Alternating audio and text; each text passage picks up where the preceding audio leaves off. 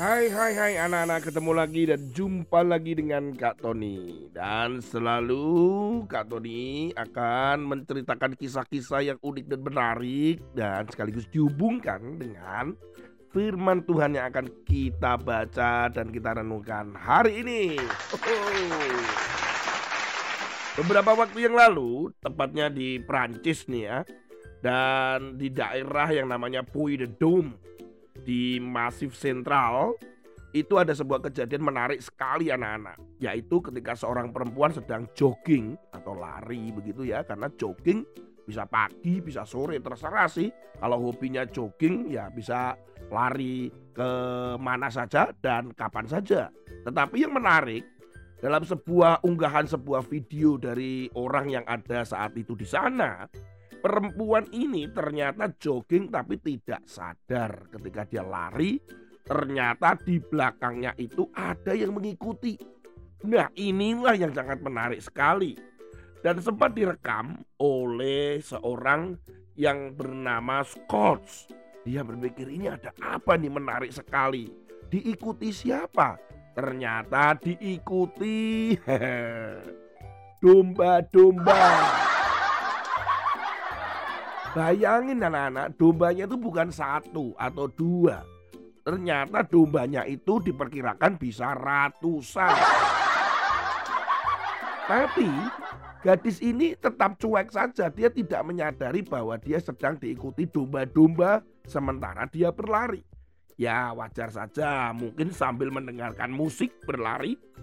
Dia tidak sadar di belakangnya ternyata ada kurang lebih menurut Scott ini katanya kurang lebih 100 domba bayangkan. Wah. Menurut Scott dia berkata bahwa wah ini kalau seandainya si gadis ini membawa tongkat mungkin dia menjadi gembala domba begitu. ya ini menarik sekali sampai berita ini Kak Tony baca pun tidak ada yang tahu ini gadis namanya siapa, kejadiannya bagaimana, Apakah dombanya ikut satu diikuti domba yang lain atau langsung 100 domba itu mengikuti dia dan itu dombanya siapa itu tidak ada yang tahu. Jangan-jangan gembala aslinya juga kebingungan mencari dombanya. Kenapa? Karena ikut gadis itu lari-lari.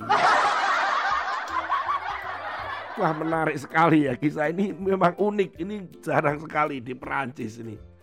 Firman Tuhan hari ini pun kita akan ngomong tentang masalah teman anak-anak.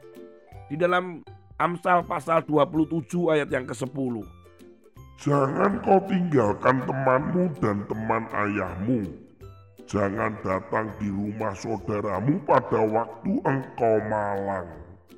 Lebih baik tetangga yang dekat daripada saudara yang jauh.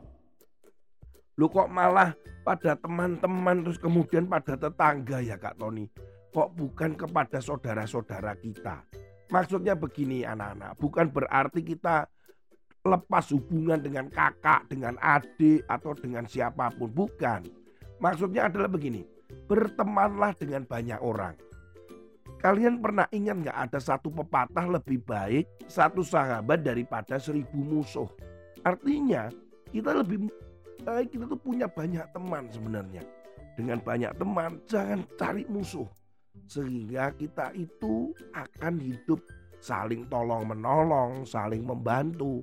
Kalau saudara kita mungkin loh ya, saudara itu jauh atau saudara itu ya tempatnya masih di luar pulau, ada di mana.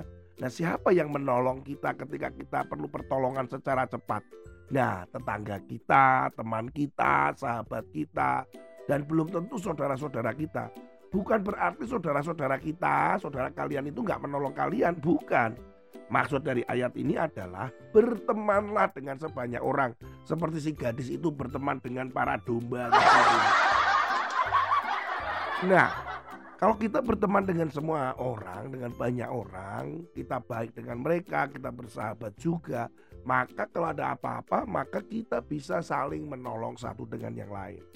Nah, saudara-saudara kalian, Kak Tony mungkin masih jauh dan mungkin baru besok atau kapan begitu. Kak Tony mengalami seperti itu anak-anak. Bahkan mungkin yang terjadi adalah apa? Ketika Kak Tony sakit atau ketika Kak Tony ada apa-apa. Eh, temannya Kak Noni telepon atau mengantar ini, melakukan itu, menolong ini.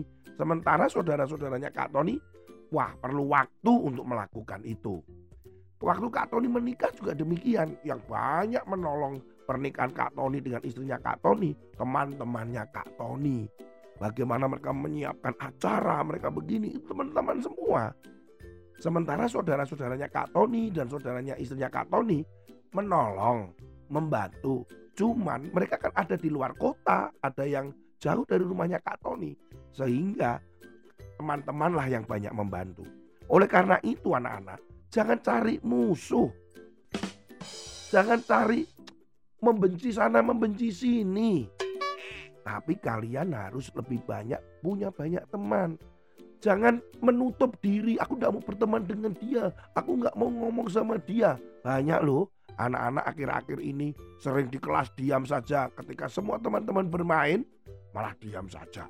Ketika semua kumpul-kumpul, malah menyendiri.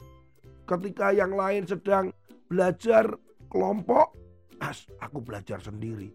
Kita bukanlah menjadi manusia yang egois yang untuk diri kita sendiri, tetapi kita mau berteman dengan banyak orang, saling membantu, saling menolong seperti Yesus juga menolong dan punya murid-murid, bayangin. Tuhan Yesus memberkati anak-anak. Sampai ketemu lagi pada episode yang lain.